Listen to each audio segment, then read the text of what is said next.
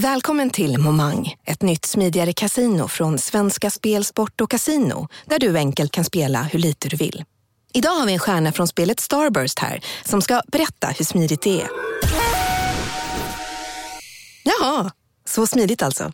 Momang, för dig över 18 år. Stödlinjen.se. Demideck presenterar Fasadcharader. Dörrklockan. Du ska gå in där. Polis? Effektar? Nej, tennis tror jag. Pingvin. Alltså jag fattar inte att ni inte ser. Va?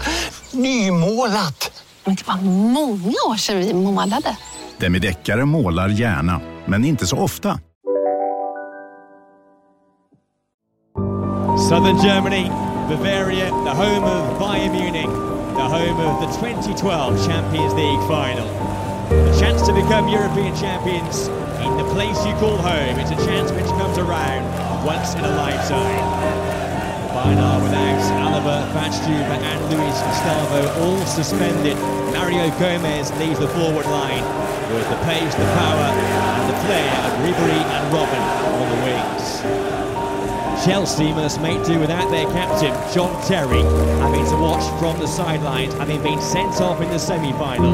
The source of real inspiration, absent tonight. Frank Lampard is the man with the armband. Now meet talisman Didier Dropper will carry their hopes in attack. Dagen då FC Bayern dog var fantastiskt vacker.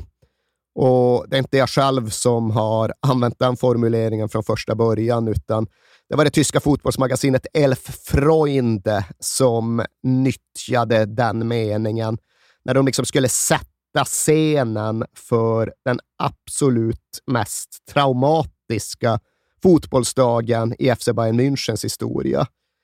Det förstärktes någonstans av att det ju inte alls kändes på det sättet från början, utan det var inte ett moln på himlen. Det var djup Blå himmel över den engelska trädgården, redovisar Elf Freunde. Det var det de kallar för Weissbierwetter. Ölglas som klirrade, vind som rasslade i löven, sol som stekte ner över en stad som faktiskt bubblade av förväntningar och fotbollsfeber. För jag var själv i München den 19 maj 2012 och jag kan verkligen skriva under på att det var en fantastiskt vacker dag. Och det var den där typen av dag då det kändes att någonting speciellt skulle hända. Och det var helt självklart att det var speciellt på ett bra sätt, på ett positivt sätt, på ett sätt som skulle skjuta upp FC Bayern i fotbollshistorien för att stanna. Det var dagen de hade väntat på, siktat på, strävat mot i flera års tid. Det var dags för finale d'Ahuam, alltså finalen hemma, hemmafinalen på bayersk dialekt. Och ifall man inte tänker på det och reflekterar över det så kanske inte det låter så där otroligt speciellt. Ja visst, det är en final på hemmaplan, men sådana spelas knappt när det kommer till Europacupen, Champions League. Det har inte ens hänt en handfull gånger i sportens historia att en klubb har fått möjligheten att bli europeiska mästare på hemmaplan. Det är två stycken som har lyckats och det är Real Madrid på 50-talet och Inter på 60-talet. Men sen gick årtiondena och sen var det plötsligt frågan om ett halvsekel innan någon hade haft möjligheten att lyckas med den där smått unika bedriften. När FC Bayern skulle spela sin finale Dauam i maj 2012, ja, då hade det gått nästan 30 år sedan någon överhuvudtaget hade möjligheten att försöka. Och den gången var det Roma hemma mot Liverpool. Och vid det tillfället så tog finalen aldrig riktigt slut för hemmakaptenen, en kille som hette Agostino Di Bartomei. Han var alltså kapten för det Roma som skulle försöka lyckas med det här oerhört ovanliga, som skulle nå ja, men klubbfotbollens ultimata höjdpunkt. Europeiska mästare i den egna staden på den egna arenan. Men alltså, ja, som ni kanske minns så lyckades inte Roma 1984. De förlorade matchen på straffar. Och även om Agostino Di Bartomei själv tog sitt ansvar som kapten och slog dit den första straffen så kunde han aldrig riktigt släppa känslan av att inte ha gjort allt, inte presterat sitt yttersta, inte lyckats med det han och staden så oerhört tätt eftertraktade. Och det var inte så att det bara var en fotbollsfinal som tyngde Agostino Di Bartomei. Han var sjuk, han var djupt deprimerad, men hur som helst så tog han ju sin Smith Wesson revolver på dagen tio år efter den förlorade hemmafinalen. Och så sköt han sig själv på sin egen balkong på den där årsdagen. Åh, fy fan. Ja, det är ju oerhört tragiskt och det går inte nu och det gick inte då att någonstans skaka av sig den sorgkanten som ändå fanns runt hela konceptet Europafinal på hemmaplan. Det var en fantastiskt vacker dag i München. Det var en dag då de flesta inte såg några faror på horisonten, utan de visste att deras lag var så mycket bättre än ett Chelsea som hade snubblat sig fram till finalen. Så det här skulle ju bara gå vägen. Men absolut, de riktigt minnesgoda, de som hade tittat på historien, de hade väl där gnaganden någonstans i bakhuvudet. Ja, men tänk om. Tänk hur fel det kan bli. Tänk hur djupt det kan sätta sig. Men det var ju ingenting som präglade stämningen på och runt Allians Arena när avspark närmade sig. Jag var där inne och det var en, ja, en karnevalsstämning, en bayersk karnevalsstämning. Och det var den där gigantiska banderollen som ramade in både kortsida och arena. Unsere Stadt, Unser Verein, Unser Pokal. Vår stad, vår förening, vår pokal. Det var dagen då det skulle ske, då FC Bayern skulle lyckas med det som ingen hade lyckats med på ett halvsekel. Och det var verkligen en matchbild som enbart gick i hemmaklubbens riktning. Jag har sett en hel del olika cupfinaler. Jag har sett eh, ja, men alla Europacupfinaler sedan jag blev fotbollsintresserad och jag har aldrig sett en så ensidig Champions League eller Europacupfinal. Liksom vi hade eh, Real Madrid som slog Juventus med 4-1 häromåret året och ja, men Milan som slog Barcelona med fyra bollar på 90-talet. Det här var mycket mer enkelriktat. Det var bara FC Bayern matchens alla minuter igenom. Det var nästan så att parkera bussens idé, va? Ja, alltså Chelsea var ju decimerat. John Terry var avstängd och de hade inte riktigt någon stadga i truppen och Roberto Di Matteo var interimtränare och Ryan Bertrand kom in från ingenstans. Så det var inget särskilt starkt Chelsea. Vi kan återvända till deras eh, Champions League-berättelse vid något annat tillfälle. Men här var det ju ett evigt bombardemang och mirakulöst att inte FC Bayern gjorde ett, två, tre, fyra mål i ett hyfsat tidigt skede. Helt otroligt att det fortfarande var match in i slutkvarten. Men då kom ju till sist genombrottet. Tony Kroos lirar in en boll mot bortre stolpen, går över första duellen. Thomas Müller kommer på bortre stolpen och oestetiskt och kalvigt borrar han dit en nick via gräset upp i Peter Cechs nättak. Och i det läget, när FC Bayern gör 1-0, så tror jag det är deras 28 avslut eller något i den stilen.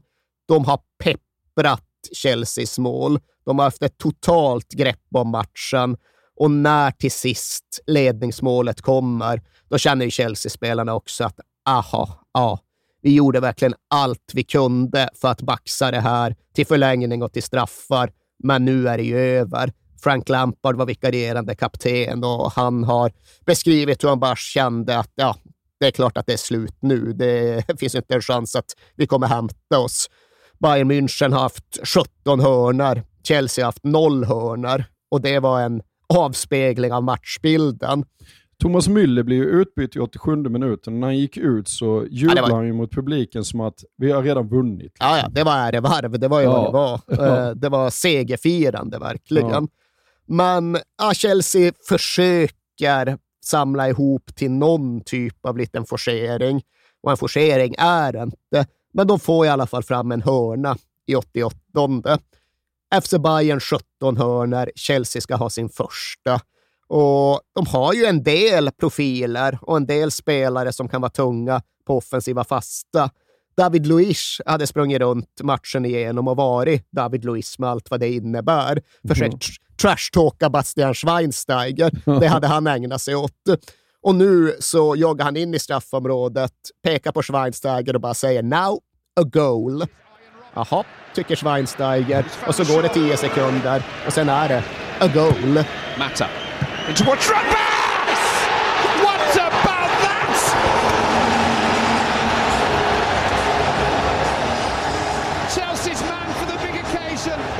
Jerome Boateng ja, släpper Didier Drogba lite, lite grann och det är tillräckligt för att Drogba i sin avskedsföreställning ska kunna vinkla in en helt otrolig nick. Ja, det är ju total 5 plus världsklass. Ja, nej, det, är, det går inte att göra bättre. Och det var det som krävdes för att Chelsea skulle kunna trolla fram ett kvitteringsmål ur absolut ingenting. David Luiz springer tillbaks mot mittlinjen, kollar på Schweinsteiger. Sorry. Och sen joggar han vidare. Så ja, Chelsea lyckas få fram förlängning, men även där, även då är ju fortfarande känslan att ja, ja, de fördröjer det oundvikliga. Nu trummar väl bara FC Bayern igång igen. Och det gjorde de ju. In i förlängningen tar det inte många minuter innan Frank Ribéry har sprungit fram en straff. Och de hade redan vunnit matchen en gång när Thomas Müller gjorde mål. Nu skulle de vinna matchen en gång till när Arjen Robben klev fram för att skjuta straff. Och Arjen Robben, gammal Chelsea-spelare, kompis med Peter Cech. Han kan den här målvakten. Men ja, målvakten kan även den här skytten. Och Cech gjorde någon form av överslag i huvudet. Ändå förlängningen av en krävande match. Trött fysiskt, trött mentalt. Robben kommer inte placera den. Han kommer gå på kraft. Därför beter jag mig så här, gå åt det här hållet. Och check, går rätt, lyckas få tag på straffen.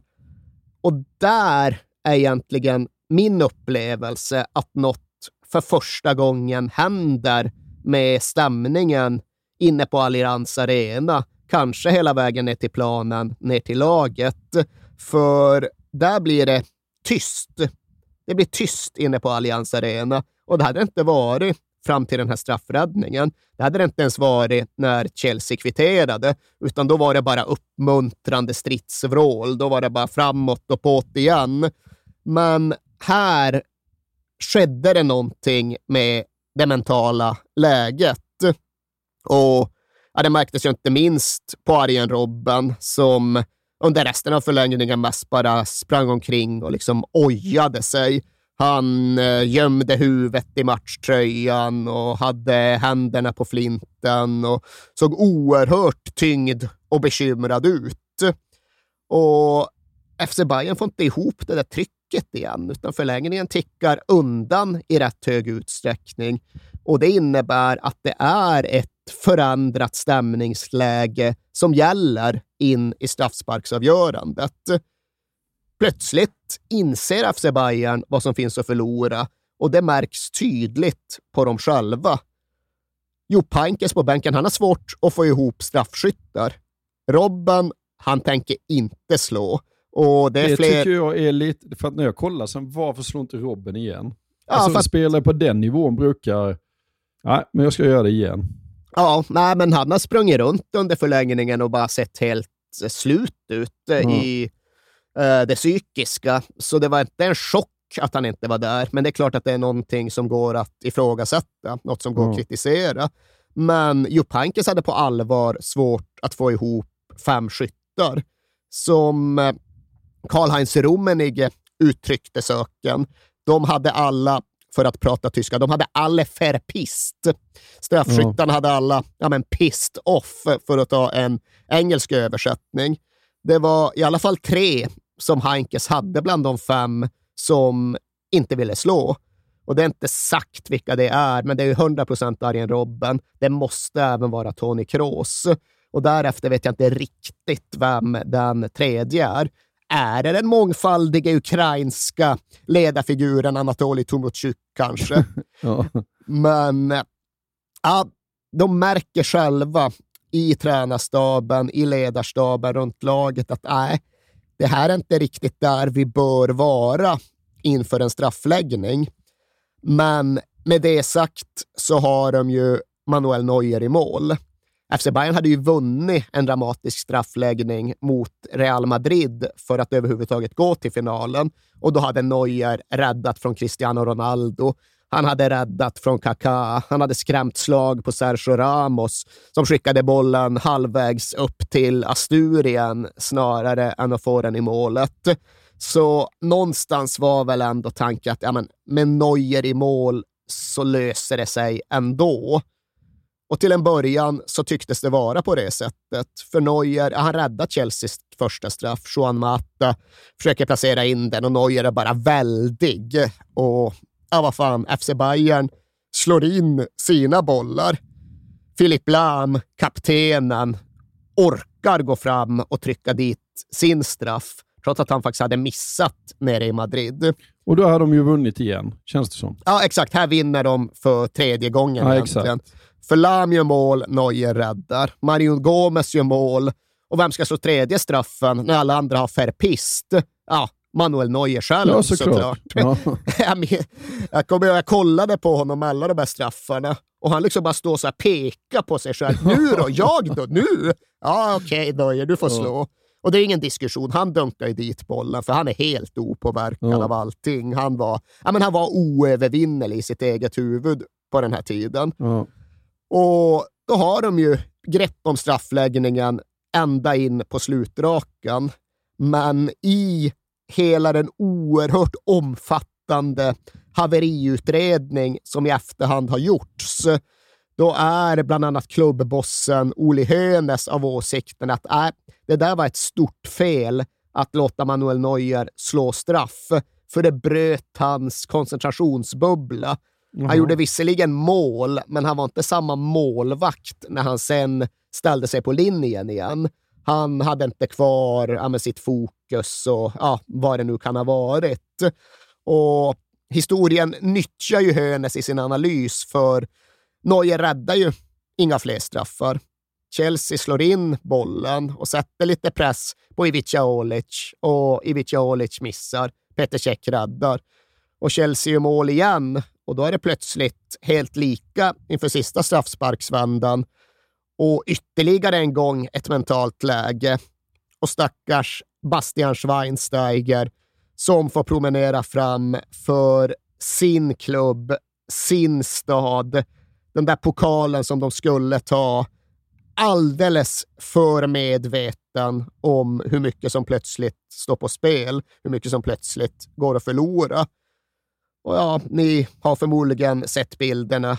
Check läser honom, lyckas peta bredsidan i stolpen och även om inte matchen är förlorad där så uppfattar alla det som att matchen är förlorad där. Och det är slående att väldigt många som liksom försöker beskriva hur det där var för Schweinsteiger använder samma uttryck. Han gick fram och såg ut som döden själv, säger Karl-Heinz Rummenigge. Han missade straffen och såg ut som döden själv, sa Schweinsteigers bästa polare Felix Neureuter. Och det återstod ju för Didier Drogba att gå fram och rulla in den där avgörande straffen. Men när han gjorde det, ja, då var det inte bara Bastian Schweinsteiger som såg ut som döden själv, utan då var det en hel fotbollsförening, en hel fotbollsstad som upplevde det som att de hade fått ett dolkhugg i själva hjärtat. Dagen då FC Bayern dog var en fantastiskt vacker dag, som Elf Freund uttryckte det. Och för några timmar, några dagar, några veckor, då var det där de befann sig. De var en livlös klubb. En klubb som var så chockskadad att den överhuvudtaget inte rörde sig. Olle Hönes har pratat om hur hela föreningen var paralyserad i mer än en vecka. hände ingenting. Inga planeringsmöten, inga transferaktiviteter. Absolut ingenting. Klubben var paralyserad. Klubben var, med Elf Freundes ord, faktiskt till och med död.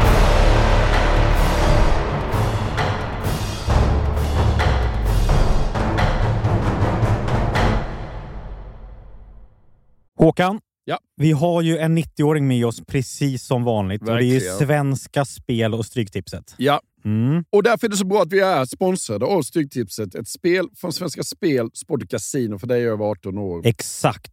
Och stödlinjen.se finns där de har problem med sitt spelande. Ja, Ja, precis. Det är bra att vi har med oss dem så vi får fira dem riktigt ordentligt. verkligen. Och vi firar ju tillsammans med er lyssnare. För att de här är ju rätt unika, de här reklamspottarna. Därför att det är lyssnarna som skickar in sina historier. Och jag tycker Mm. det är helt fantastiskt att ni fortsätter att göra det. För att det blir väldigt mycket roligare. Alla de här historierna, det är liksom hela det är liksom ramen för vad Stryktipset handlar om, skulle man kunna säga. Verkligen. Det är själen. Exakt, och har gjort det i 90 år. Ja, ni får gärna fortsätta skicka in era stories eh, om vad som har hänt i 90 minuten på Stryktipset till kings at perfectdaymedia.se så får ni en t-shirt av oss Yes. för varje publicerat inlägg. Och idag, En lång historia idag, Håkan säger jag. idag har vi en lång historia som går så här. För snart fyra år sedan var jag med om en riktigt sjuk upplevelse som har resulterat i att jag blivit en riktig Stryktipsnörd.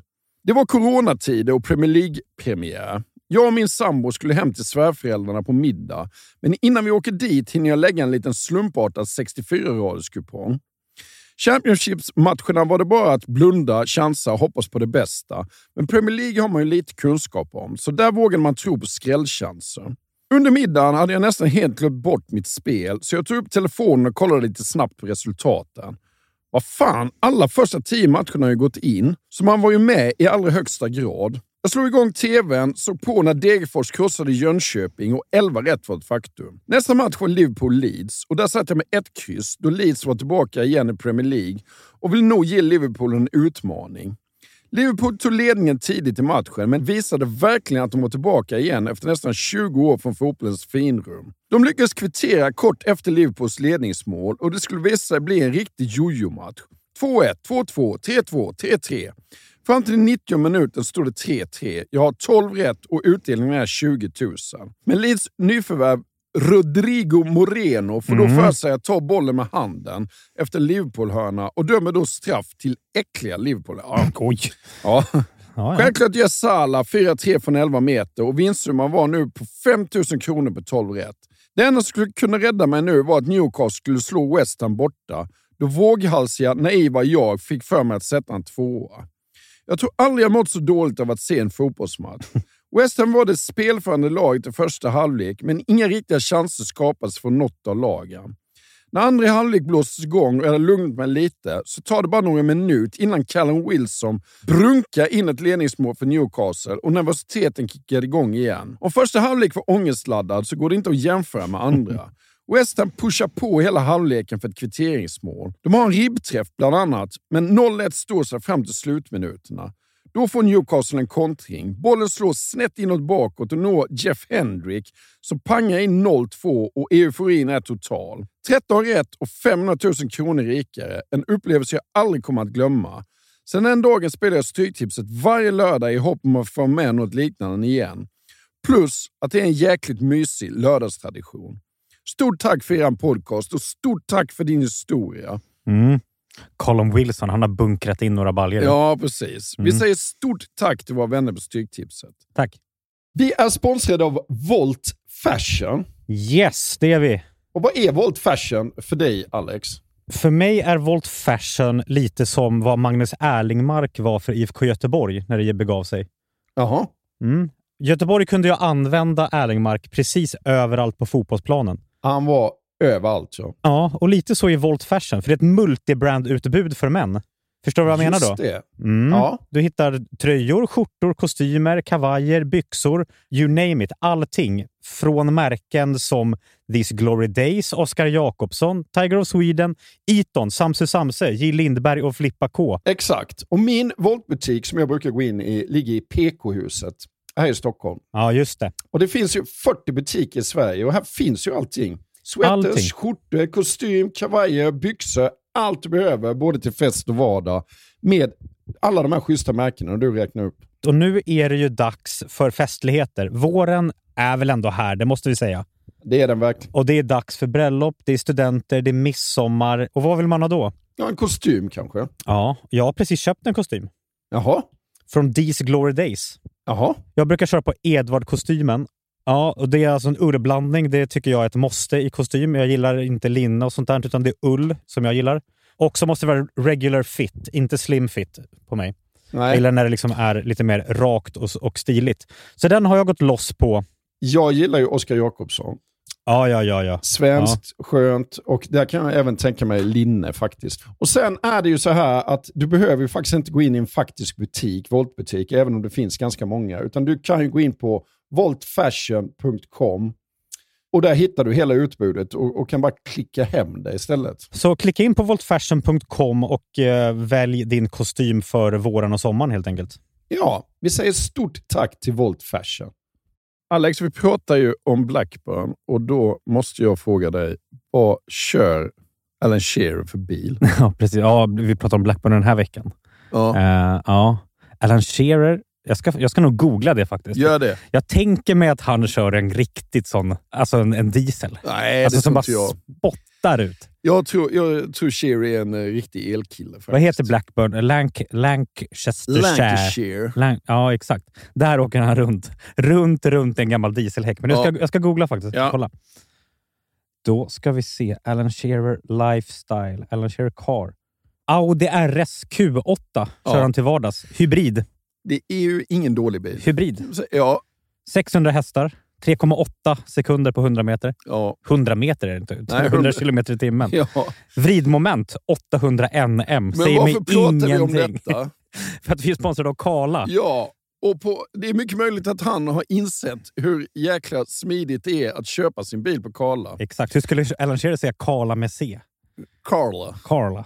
Karla. Ja. För att vi har ju eh, i tidigare eh, spottar berättat om att det är världens bästa biltjänst. Mm, Med 4,8 i. Trustpilot. Mm. Därför att vi som tycker det är jobbigt att köpa och sälja sin bil framför allt, med allt mäkt det innebär, så innebär Karla att de sköter allting åt dig. Mm. Så går du i eh, tankar med att sälja din bil och kanske vilja skaffa dig en elbil eller en elhybrid så ska du gå in på karla.se. Jag är lite sugen på att skaffa en laddhybrid. Ja. En sån Audi.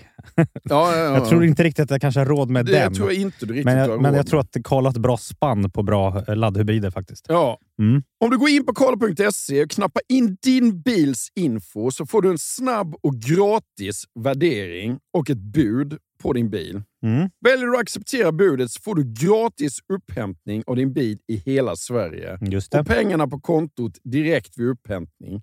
Mm. Alltså det kan inte bli smidigare än så. Och Karla sköter allt från pappersarbete till dammsugning av baksätet. Ja, alltså det, det Det slipper jag världsklass. gärna. Alltså. Ja. Och när du ändå är i farten så kan du kika om du hittar någon ny drömbil på Karla. Audi RS Q8. Exakt. Du kan då använda din gamla bil som inbyte och endast betala mellanskillnaden om du vill köpa en ny. Kör du till exempel runt i en gammal dieselhäck så är det hög tid att uppgradera till en elbil eller laddhybrid. Eller Alan Shearers bil då. Vem i Blackburns lag från 1995 kör runt i en gammal dieselhäck idag, tror du?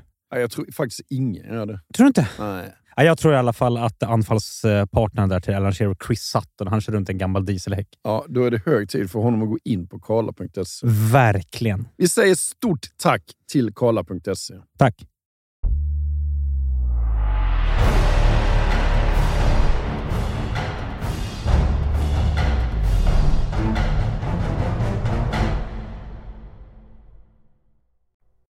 Och med nya unga spelare är det väl läge att introducera en svensk legendar, va? Ja, det är verkligen på sin plats för ja, men i den här matchen mot Juventus, för att ta den som ett exempel, så fanns det ju helt plötsligt en kärna av egenfostrade spelare i laget. Där var Filip Lahm och Bastian Schweinsteiger och Thomas Müller och Holger Badstuber som alla var bajrare från den egna organisationen. Och så hade det verkligen inte alltid sett ut i FC Bayern. För okej, okay, de hade sin 60-talsgeneration, men in i den moderna tiden så hade de sen egentligen ingenting alls, utan FC Bayern blev ofrånkomligen sedd som en värvningsklubb. Deras spelare, de var inköpta snarare än utbildade. När de vann Champions League 2001 till exempel, ja, då fanns det två spelare som med lite vilja, med lite ansträngning kunde ses som egna produkter. Men det var ju inga bajrare. Det var Owen Hargreaves, alltså en engelsk kanadensare, och det var Samuel Kofour, en ghanan som hade kommit till München i de sena tonåren. Men det var det enda. Och det här var såklart inte det som Oli Hönes och de andra klubbcheferna var allra mest stolta över. Som varje vettig fotbollsman så vill ju de också ha en fungerande talangutveckling, för det finns så extremt många fördelar med det. Och Det innebar att Oli Hönes i mitten av 1990-talet gav en gammal lagkompis uppdraget att eh, strukturera om egentligen hela FC Bayerns ungdomsverksamhet. Och det uppdraget det gick då till Björn Andersson från Perstorp.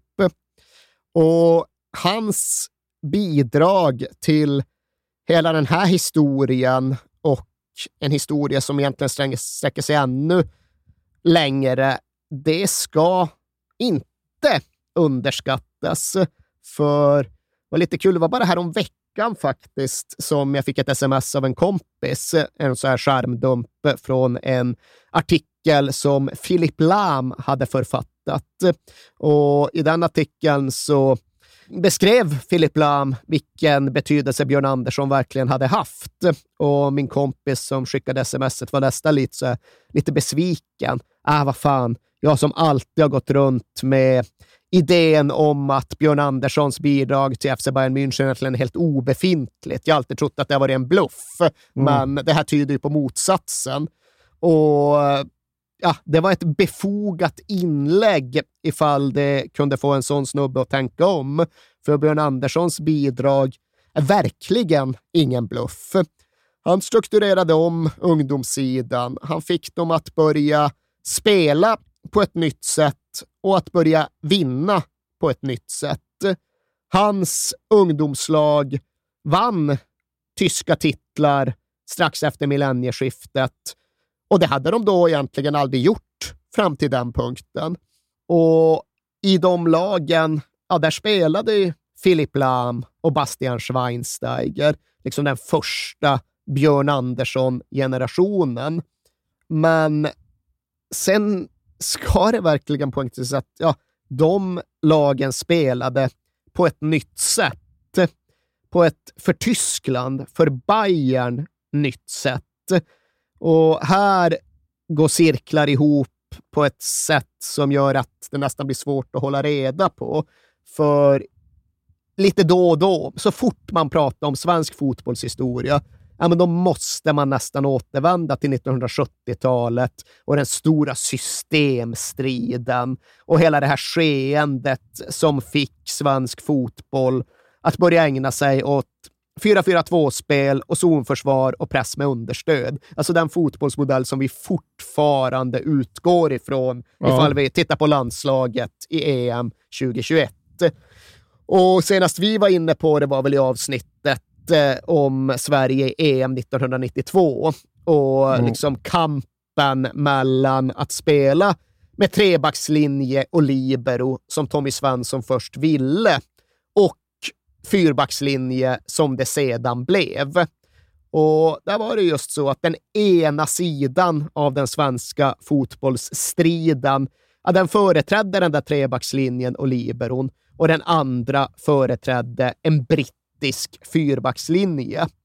Och det var ju det som var de ideologiska rötterna till det hela. Brittisk fyrbackslinje eller tysk trebackslinje med libero. Och IFK Göteborg och Malmö FF de företrädde den brittiska 4-4-2-modellen. För det var Rob, Bob och Roy och det var sen Svennis. Och sen var det väl i första hand Östers IF som företrädde tysk modell och libero.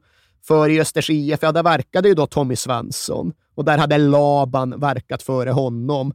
Och därifrån utgick ju även Björn Andersson. Ja. Björn Andersson spelade i Öster innan han sen värvades till FC Bayern och blev, jag ska inte säga indoktrinerad, men väldigt skolad i allt det här med den tyska varianten som fasades bort ur svensk fotboll, som knappt ens existerade i svensk fotboll längre fram på det sena 1990-talet.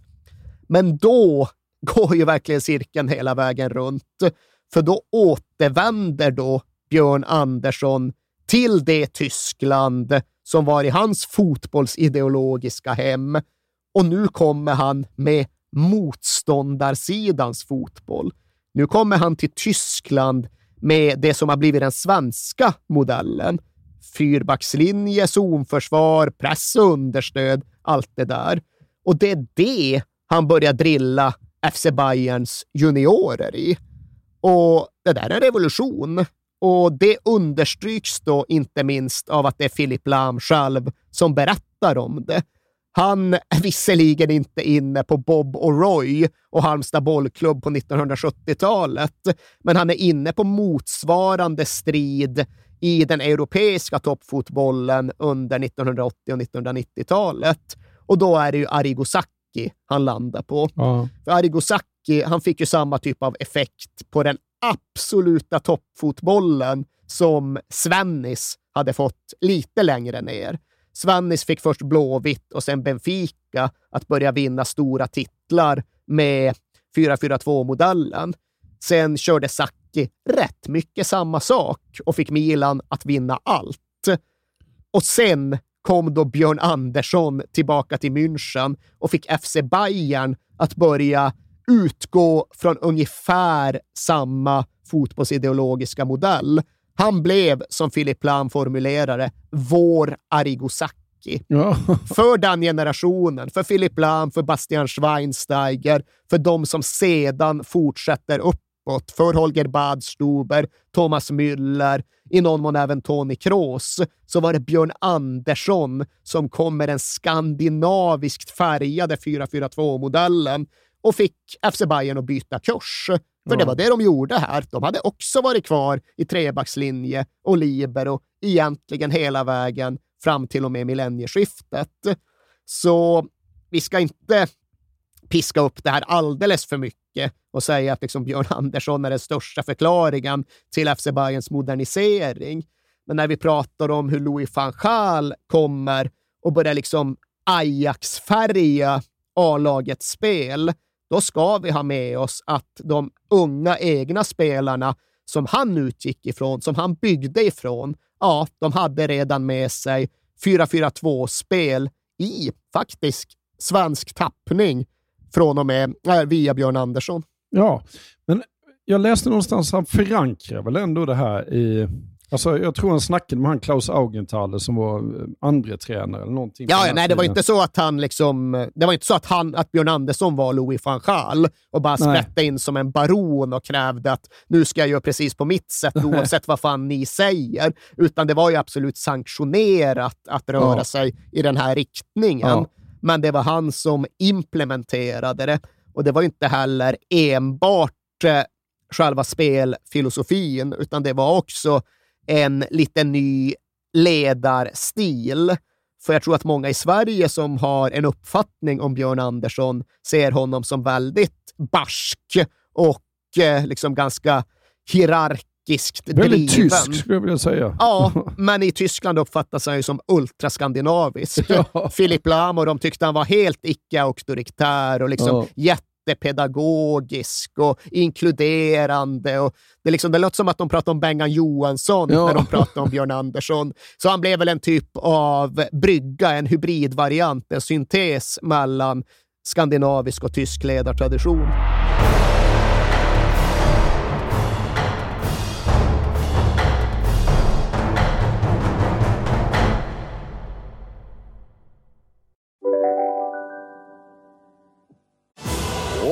Tillbaka till Sibylla där sportbörjaren nu laddar för mål. Otroligt taggad och toppat formen med stekt lök och dubbel cheddarost. Det här blir en riktigt god match! Sportbörjare, ett original i godaste laget. Från Sibylla. Hej, Synoptik här. Visste du att solens UV-strålar kan vara skadliga och åldra dina ögon i förtid? Kom in till oss så hjälper vi dig att hitta rätt solglasögon som skyddar dina ögon. Välkommen till Synoptik. Dåliga vibrationer är att skära av sig tummen i köket. Ja! Bra vibrationer är att du har en tumme till och kan scrolla vidare. Få bra vibrationer med Vimla. Mobiloperatören med Sveriges nöjdaste kunder enligt SKI. Och man måste ju ändå ge van Gaal också att han tog ju upp de här talangerna väldigt unga i A-laget, eller hur? Absolut, och gav dem jättestort förtroende och skolade i någon mån också om dem rent Ja. taktiskt. För även om det hade gjorts försök tidigare så var det verkligen van Gaal som definitivt tog Bastian Schweinsteiger från yttern och placerade honom på innermittfältet. Det var han som satte Filip Lahm på högerbacken, där han egentligen blev kvar tills Pep Guardiola sen började meka med honom som innermittfältare igen. Och det var ju han som lyfte upp en 17-årig eh, David Alaba i A-laget. Det var han som tog tillbaka en ung Tony Kroos från en utlåning. Och det var kanske framför allt han som investerade ett oerhört stort förtroende i den Thomas Müller som inte så där jättemånga andra såg den självklara storheten i. För Nej. idag fattar ju alla Thomas Müller. Han ser inte ut som en elitspelare. Han har inte de jättetydliga spetsegenskaperna, men det är ju allt det där andra som gör honom så ofantligt nyttig. Det är inte givet när man kollar på vem som är den bästa 18-åringen att sånt verkligen syns. Men Louis van Gaal såg det och Louis van Gaal var karaktärsstark nog för att prioritera det. Det kvittade om andra hade kostat mer, om andra gjorde fler mål eller dribblade snyggare eller var mer berömda och spektakulära. Det var Thomas Müller som ja, egentligen var hans första namn i den offensiva delen av planen, på den offensiva delen av planen när han tog ut laget. Müller spielt immer, slog van Gaal fast. Thomas Müller spelar alltid, för han begrep vad van Gaal var ute efter. Han begrep hur han liksom strukturerade ett lag och ett spel. Och han hade ju den där just förmågan att liksom uppfatta hur matchen utvecklades framför sig. Han fick, han fick det egna laget att sitta ihop och det andra laget att slitas isär. Och ja, för Louis van Gaal fanns det ju ingen diskussion. Müller spielt immer. Och vi ska väl säga också att van Gaal nådde ju till slut väldigt stora framgångar. Ja, han gjorde ju det under den här första säsongen. För efter vändningen i Turin så avancerar ju FC Bayern raka vägen fram genom Champions League-slutspelet. Och det på liksom ett minnesvärt sätt. De har en väldigt eh, innehållsrik kvartsfinal mot Man United och hemmamatchen är en mindre klassiker. Liksom, de har underläge där också, men de vänder och Ivica Olic avgör i 92. Och det är kul att avgöra i 92 mot Man United i en Champions League-kvart, men sen fyller returen på och blir väl ihågkommen med ännu varmare känslor. För där skenar ju Man United in i matchen. De gör tre mål på 40 minuter. Men än en gång så häver sig FC Bayern tillbaka. De reducerar och de reducerar sen igen genom en sorts drömmål av Arjen Robben och går vidare på bortamål. Eh, sen har de inga större problem med Lyon i semifinalen. Ivica Olic gjorde hattrick i returen, var på den matchen nere i Lyon och det är fan inte den självklara hattrick-hjälten i en Champions League-semi. Men den gången blev han det. Eh, och ja, helt plötsligt var FC Bayern i Champions League-final mot Inter nere på Bernabeu. Och ja, in, de hade kunnat vinna den matchen. De har mycket spel, de har en hel del chanser. Men det ska väl i och för sig sägas att José Mourinhos Inter var rätt bra på att kontrollera matcher, även om de inte hade bollen så mycket. Ja. Och det var ju inte den där känslan av att ah, nu föll de mot en sämre motståndare, utan de var lite trötta, lite nöjda, hade Frank Ribéry avstängd och kanske inte riktigt samma desperation som Mourinhos Inter. Och därför var det väl inte så mycket att säga om att Inter vann den där finalen. Men här är jävlar, från en ganska förvirrad höst så sätter sig Louis van Gaals FC Bayern. De går hela vägen till Champions League-final. De tar faktiskt den tyska dubbeln trots ett bedrövligt utgångsläge och Louis van Gaal lever någonstans upp till sin självbild. De firar på traditionellt sätt hemma på Marienplats och även där i firandet lever Louis van Gaal upp till sin självbild.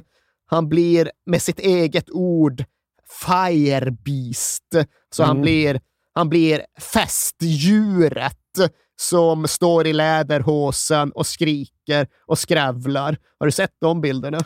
Ja, och vet du vad det påminner mig om? Nej, men en, jag befarar. En annan, en annan man i München, typ. Jag befarade att det var dit du skulle. 70 år tidigare. Ja, det är... Sa, samma skrik och samma En, en halsbrytande parallell. Men ja. Ah, jag ska var... lägga ut de bilderna så får ni se själva på VVK Podcast. Avgör själva, ja. Men ja. ja. det var ju inte så att den här framgången, den här ja, men egentligen trepipiga framgången får Louis van Gaal att skruva ner och ta ett steg tillbaka och bli lite mer lyhörd in i andra året. Utan det var ju det var ännu mer Louis van Gaal vid punkten då man trodde att det inte fanns plats med mer Louis van Gaal i hela jävla München. För till att börja med så publicerade han ju en av sina självbiografier hösten 2010, precis när den nya säsongen började.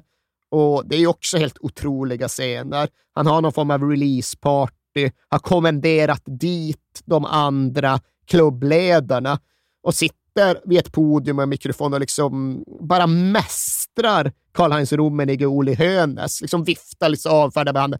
Ja, det, nu får ni se till att också läsa. Det är viktigt att ni läser den här boken, för den kan lära er en hel del. och de bara, ja, Och här känner väl Oli Hönes att saker och ting har skenat iväg med Louis van Gaal.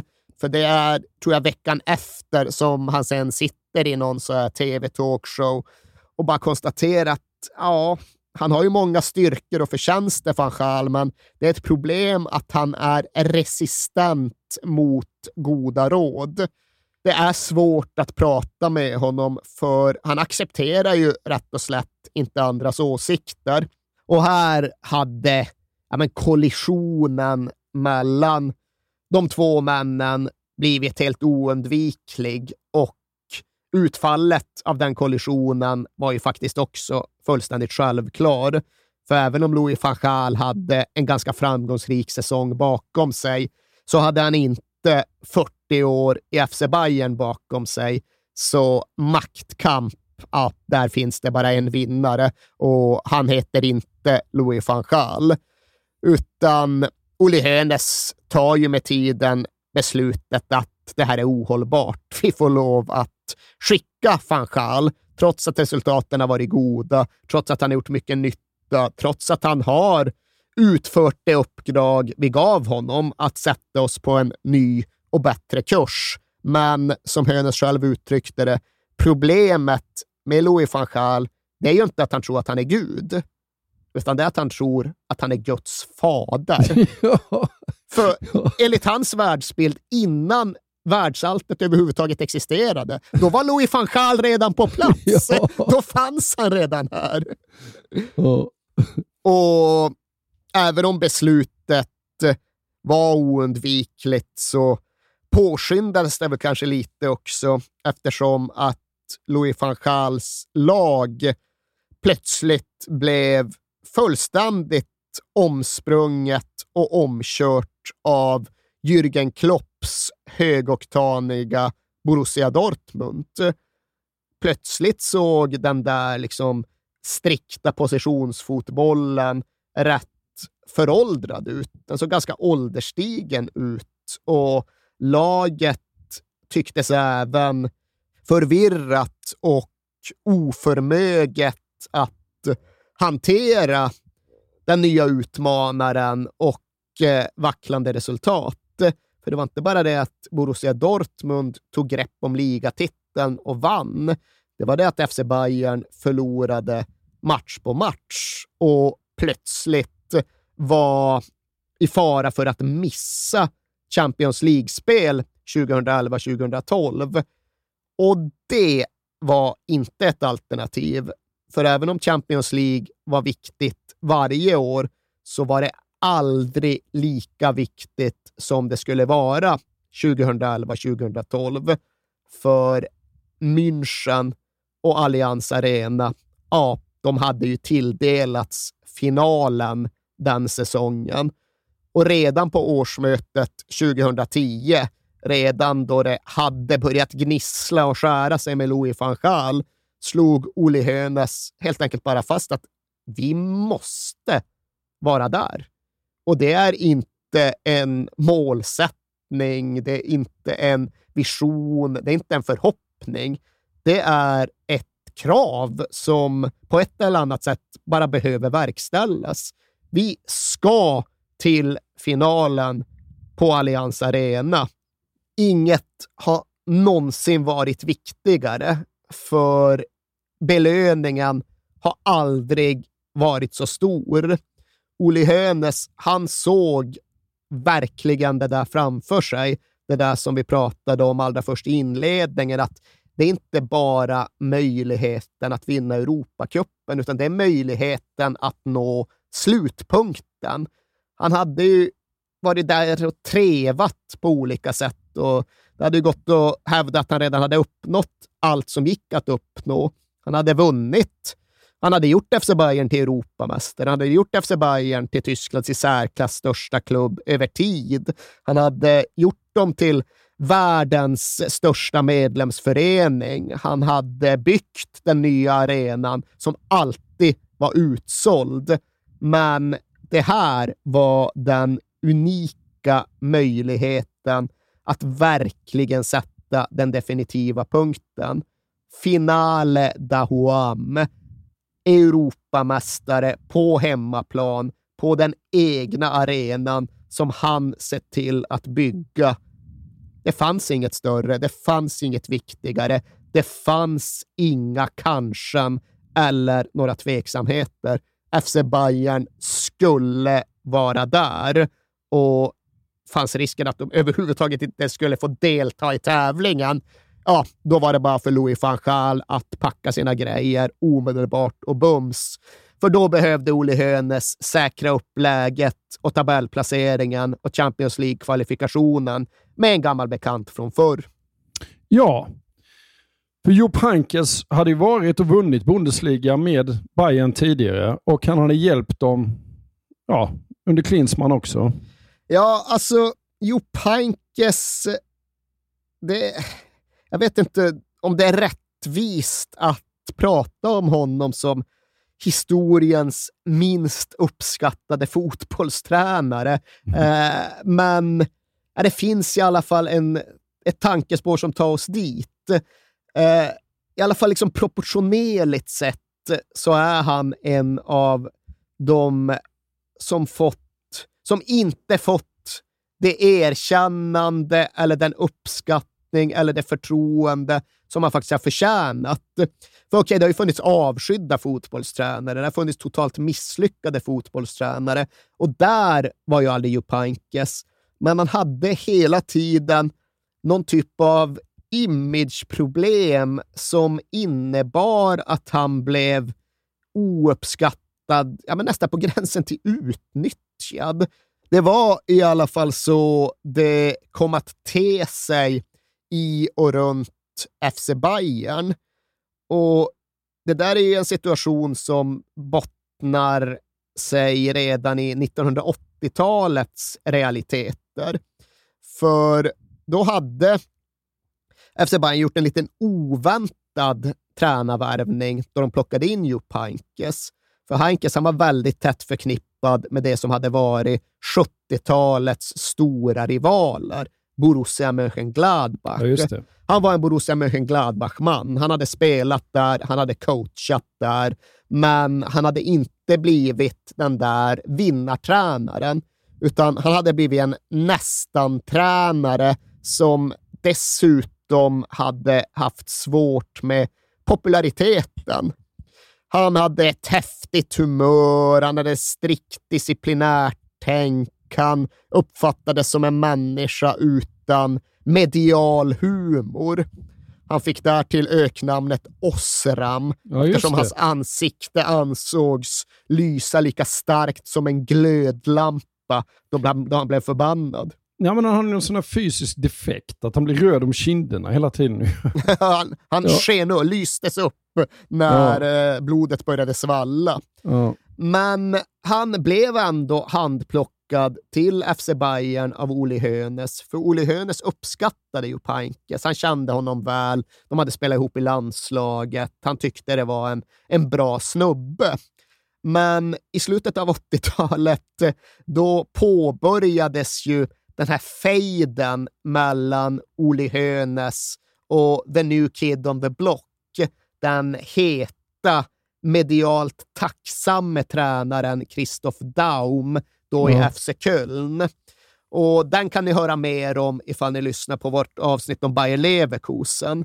Men det blev i alla fall en medial tuppfäktning mellan FC Köln och FC Bayern. Mellan Christoph Daum och Uli Hönes. För Hönes fick någonstans kliva in och ta fighten när Jupp Heynckes inte klarade av att gnabbas med Christoph Daum i tv.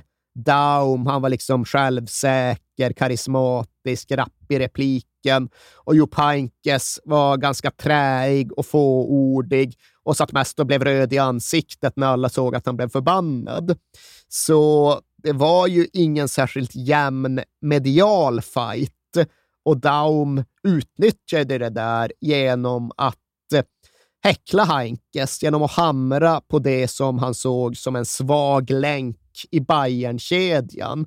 Liksom. Han, är lika, han är lika rolig som väderleksrapporten. Ja, precis. Han hade kunnat saluföra sömnmedel för alla som Ja. tittar på hans lag, sömn, somn, allt det där liksom.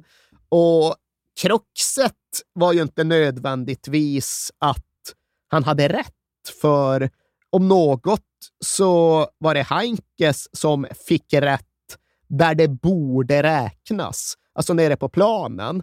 Daum, han snackade och han jabbade och han hetsade, men det var Heinke som vann.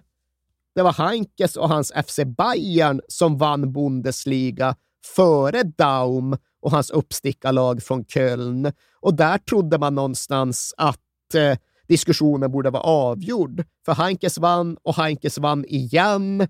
Och därför hade väl han bevisat att han visst var en vinnartränare och då borde väl alla krav vara uppfyllda i FC Bayern, den här klubben som minsann bara bryr sig om att vinna. Men nej då, det räckte inte. Och det räckte inte eftersom att Oli Hönes hade, som han själv uttrycker det, fått sitt huvud förgiftat. Oli Hönes började lyssna på utomstående. Olle Hönes började ta in vad som sades i pressen. Olle Hönes började bekymra sig för att FC Bayern såg som gammalmodigt och träigt och trist snarare än fräscht och poppigt och på väg framåt. Och därför kickar Olle Hönes sin goda vän Jupp Heinkes mot bättre vetande. Och det säger han ju sig ångra än idag, vad fan blir det, 30 år senare, att han tog det här beslutet. Ja. För han gjorde det av fel anledningar. Han lät liksom någon form av etablerad medial image bestämma hur han skulle ratta FC Bayern. Och så som han själv har formulerat det långt senare så beskriver han om hur han ger Jupp Heynckes beskedet och när det sker så gråter de båda som två slottshundar. Ja. Jag vet inte vad en slottshund är. Nej, det låter inget vidare. Än mindre hur mycket de gråter, men nej, det låter inget bra. Och eh, Hönes säger att fan, det kändes fel redan då och i efterhand har det vuxit fram som mitt allra största misstag som klubbledare. För jag vek ner mig för åsikter snarare än att stå upp för fakta. Och ja, ja, fan, det var ju otacksamt och jävligt för Jupp Heynckes, men hans liv och hans karriär gick ju vidare och han nådde framgångar ännu större än de han dittills hade nått med FC Bayern. Han drog ju ner till Spanien, eller till att börja med till Baskien, gjorde det bra i Athletic Bilbao, gjorde det bra i Teneriffa, fick den ultimata möjligheten. Han fick coacha Real Madrid, ett Real Madrid ja, men, vid fixeringens rand.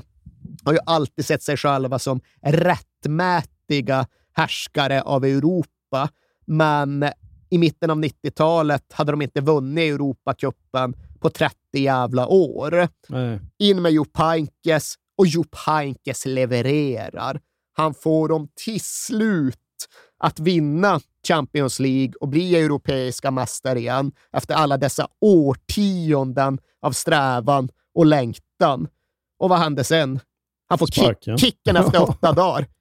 Eftersom att ah, Real Madrid hade sitt så kallade Ferrari-lag och det var en massa egon och divor och åsikter och krav. Och var det inte lite trä i fotboll? Hade det inte bara blivit 1-0 i finalen? Borde inte Real Madrid kunna glittra mer? Ut med Jo Pankes. Och det jag underströk då verkligen det fack som han hade kommit att hamna i. Duktig tränare, nådde resultat, ingen jävel kunde säga något om det, men ändå oönskad vad fan han än gjorde.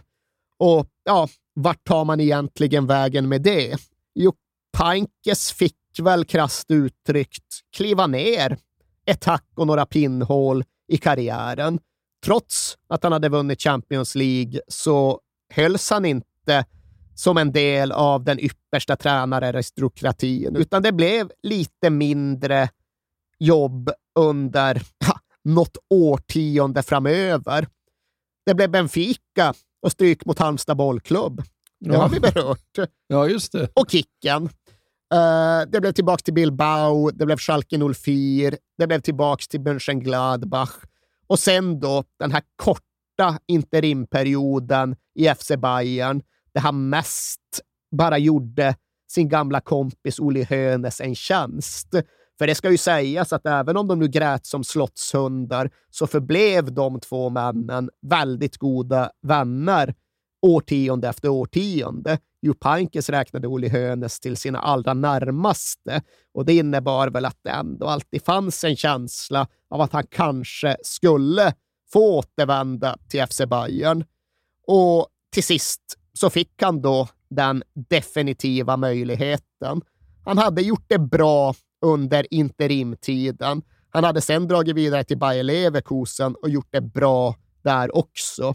Och nu när Oli Hönes lite hade ryggen mot väggen, när det krävdes en uppryckning för att säkra möjligheten att nå den där hemmafinalen, ja, då var det faktiskt Jupp Heynckes som fick samtalet ändå. Nu var det skitsamma med image. Nu spelade det ingen roll vem som sa vad i medierna. Nu behövde resultaten komma och ja, Jupp Heynckes kom in och utförde. Det gjorde han ju verkligen. För han tog ju dem till den där finalen. Han Som- gjorde ju det och Ja. liksom han, han hade ju vid det här laget blivit en ja, men ganska, jag ska inte säga gammal, men det kan man säga, gammal fotbollstränare. Inte ålderstigen, men erfaren. Och han klarade någonstans av att ta de olika komponenterna i klubben och skapa syntes av dem. För det fanns ju lite olika delar av FC Bayern vid den här tiden. Det fanns Louis van Gaal och hans fixering vid bollinnehav och hans befordrande av unga egna spelare från Björn Andersson-skolan. Därtill så fanns det ju en ny verklighet i Bundesliga med Jürgen Klopp och hans Dortmund och hela den högoktaniga energifotbollen.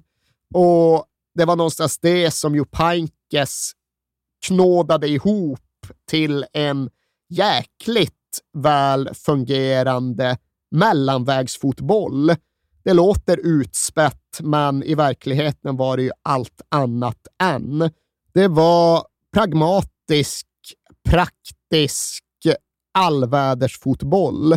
Det var liksom ett ganska komplett, mångsidigt, varierat lag som kunde det mesta. Som kunde spela possession-fotboll som trekvarts Barcelona och som kunde spela intensitetsfotboll som trekvarts Dortmund och som faktiskt mer och mer framstod som Europas bästa lag redan under säsongen 2011-2012. För de fick en tacksam lottning genom Champions League-slutspelet.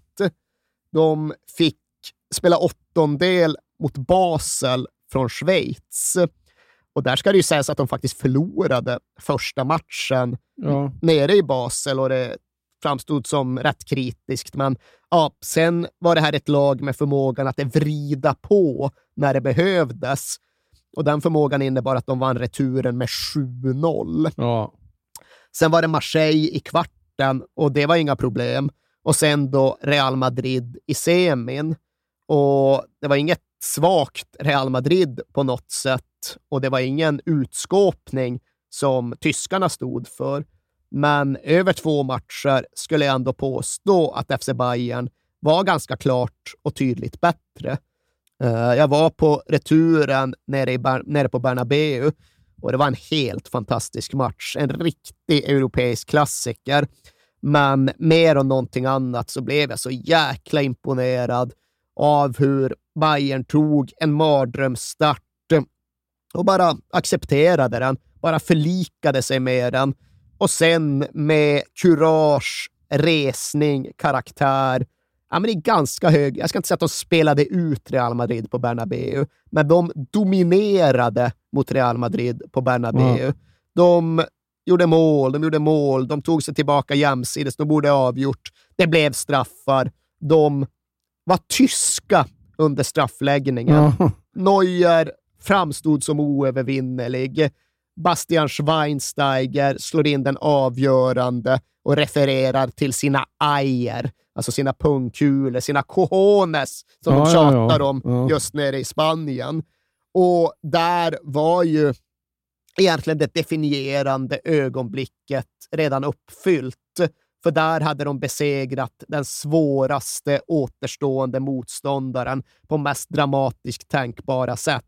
De var framme vid finale da Huam och den där dagen när vi började, dagen då inte FC Bayern sköt upp sig själv i fotbollshimlen för att aldrig kunna rivas ner, utan dagen då FC Bayern, lätt dramatiskt uttryckt, faktiskt gick och dog.